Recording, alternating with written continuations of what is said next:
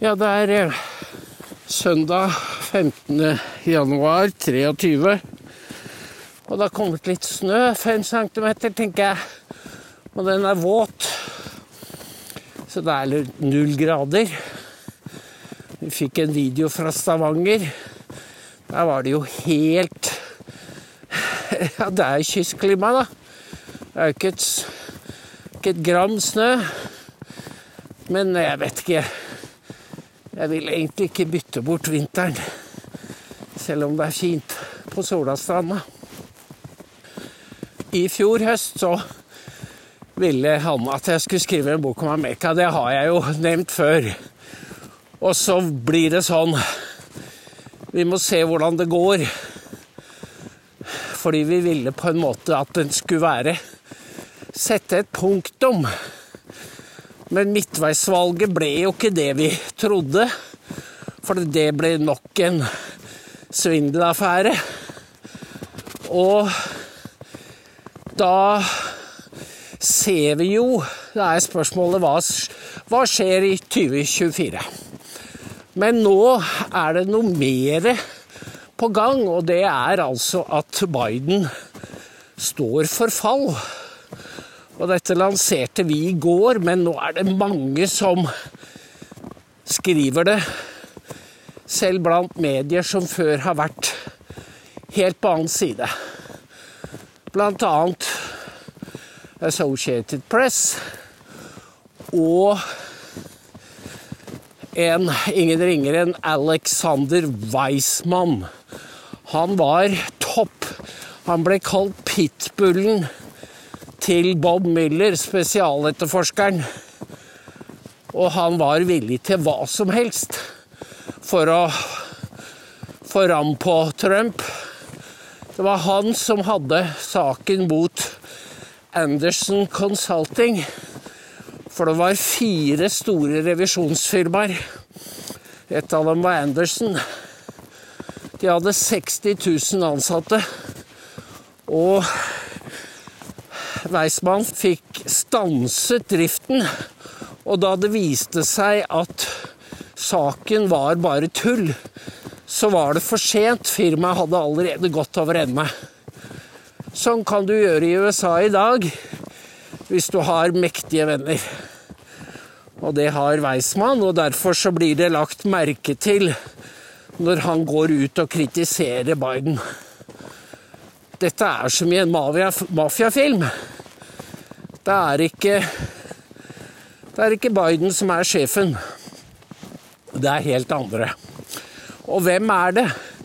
Ja, se, det vet vi jo ikke, fordi når eh, Richard Kimball skriver på American Greatness sin, sitt helgeessay, så skriver han at, at eh, man må kan snakke om en komité som styrer USA.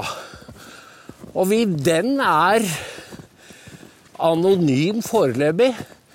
Men det er klart at hvis dette begynner å rakne, så vil mer komme frem.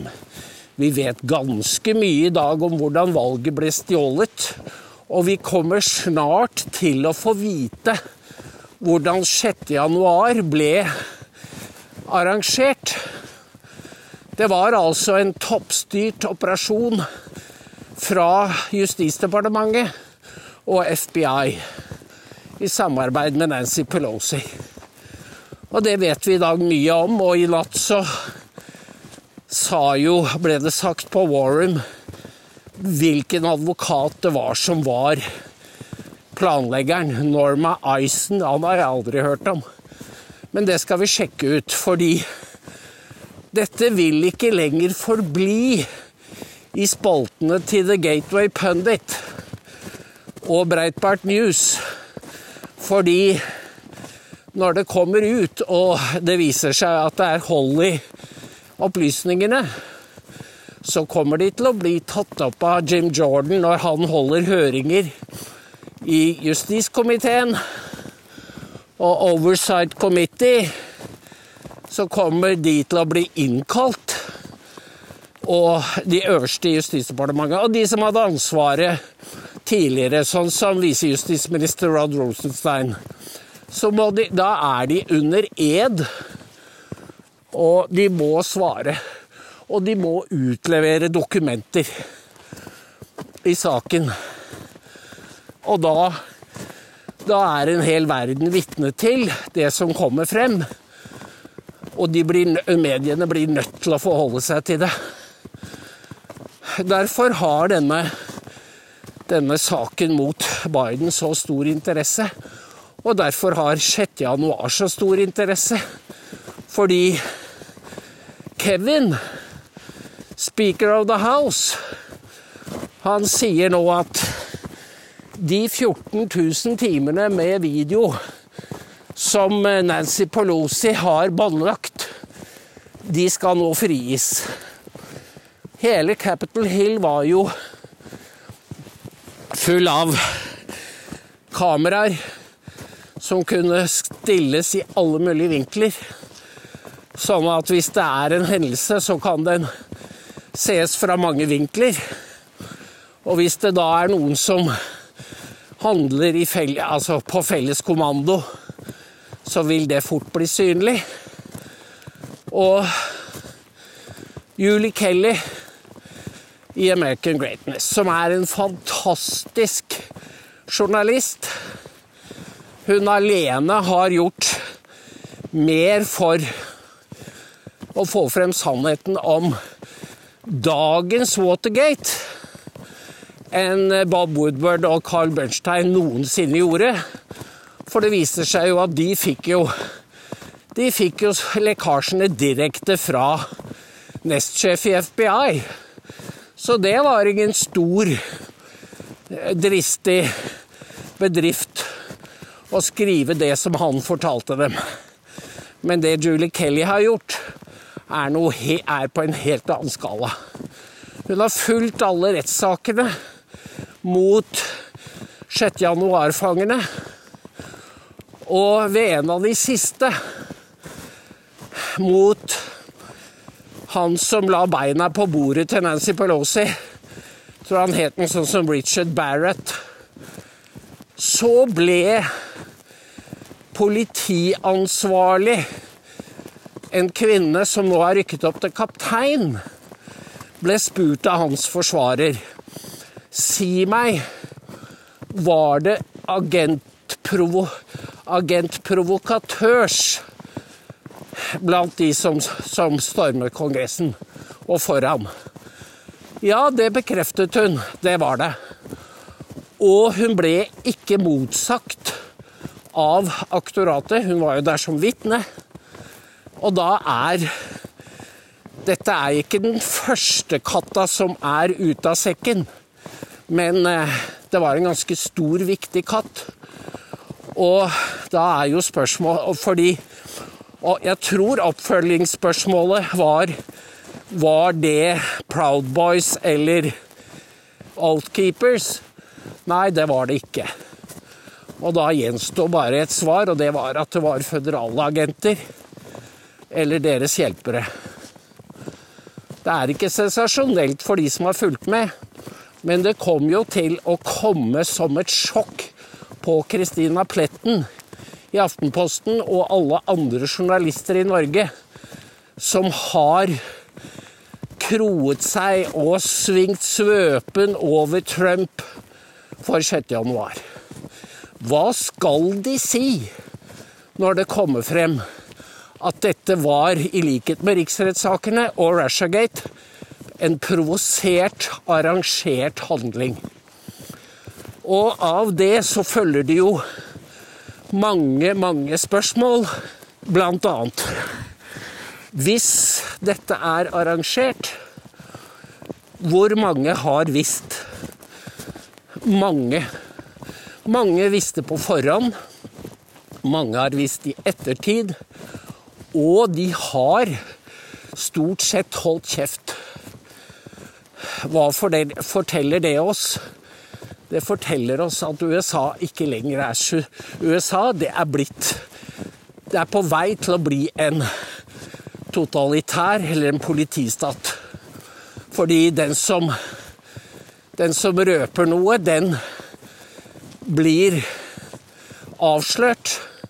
Og da er det Hvorfor er folk så tause også i Norge? Og det er jo fordi du kan trekkes overalt hvor du går. Han eh, David Ignatius er en seniorkommentator i Washington Post som skrev den første artikkelen i januar 2017 som hengte ut Michael Flynn. Og han har skrevet en roman. Han har skrevet flere, men en jeg leste som var om at var om CIA og spionasje. Og for å slippe unna så måtte denne jenta dra opp i fjellene, legge fra seg alt elektronisk utstyr. Det sier seg selv. Men i dag er det jo Vil jo bilen kunne fortelle hvor du er hen. For den har også en GPS-tracker. Så hvis du skal komme deg vekk, så må du ha en gammel bil. Og du må være sikker på at ingen vet at det er den du bruker, så de kan feste noe på den.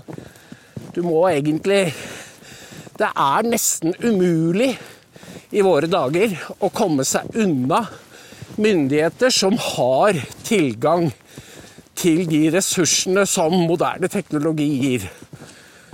Bare sånn helt som en digresjon så fortalte Rudy Giuliani om en ukrainsk kvinne som visste mye om Hunter og Bidens Biden-familiens korrupsjon og transaksjoner i Ukraina. Men han sa William Barr, som var justisminister, var så lemfeldig med hennes sikkerhet, og hun måtte dra tilbake. Og han sa jeg, er ikke sikker, jeg har ikke hørt noe fra henne, jeg er ikke sikker på om hun er i live. Sånn er verden blitt. Og Biden var nok helt sikker på at han er immun. Han har immunitet, for han blir beskyttet av de mektige. Men så opplever han plutselig at han ikke er det lenger. Og den 30. november så ble han jo spurt Fikk et tilrop under en pressekonferanse er det snart, sånn at du snart kommer til å kunngjøre ditt kandidatur. Og da svarte Biden jeg er ikke sikker. For da visste han allerede hva som var på gang. At han kom til å bli droppet. Dette er så dramatisk at det er sånn som får hele Washington til å bli helt elektrisk av spenning, sitrende spenning. Og vi er også helt oppslukt av det, så jeg vet jo at veldig mange av dere også har fått opp øynene for at det er i USA det skjer. Så vi kommer til å følge dette veldig, veldig tett. Og nå er det jo helt åpent hva som kommer til å skje, fordi dette var jo rene gavepakken til Trump. Og du kan si hva du vil om han, men her ser du at The powers that be, de som kontrollerer makta, de har lagd en bumerang mot seg selv.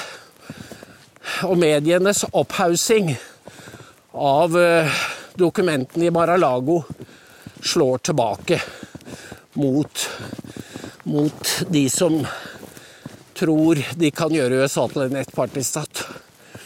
Og det blir bare verre og verre i USA, og norske medier forteller ingenting.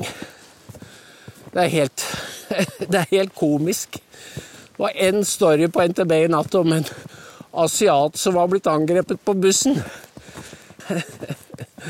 Det er jo Det skjer haugevis av sånne overfall hver dag, og det er eller det er sånne historier hver dag, men da står det ofte at det er svarte som går løs på asiater. Det står det jo ikke i NTB, selvfølgelig. Man skulle forstå at dette var rasisme. Ja, det var det, men det var trolig svarte. Det var eh, Bare for å runde av galskapen Wells Fargo er jo en meget stor bank.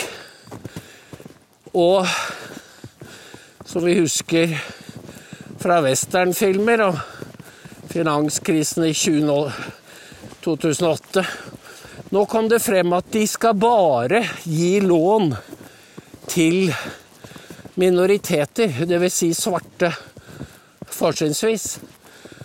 Ikke til hvite. Altså, raseskillet er på ny innført i USA, selv om det rent formelt ikke er lov. Du hører ikke noe om dette i norske medier. Og hvorfor ikke? Fordi de jo, har jo lagd en softutgave av det samme i Norge.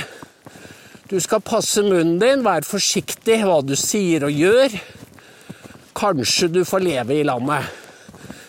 Og så var det disse som ble skutt på i Oslo sentrum i natt. Det sto at det var to middelaldrende menn.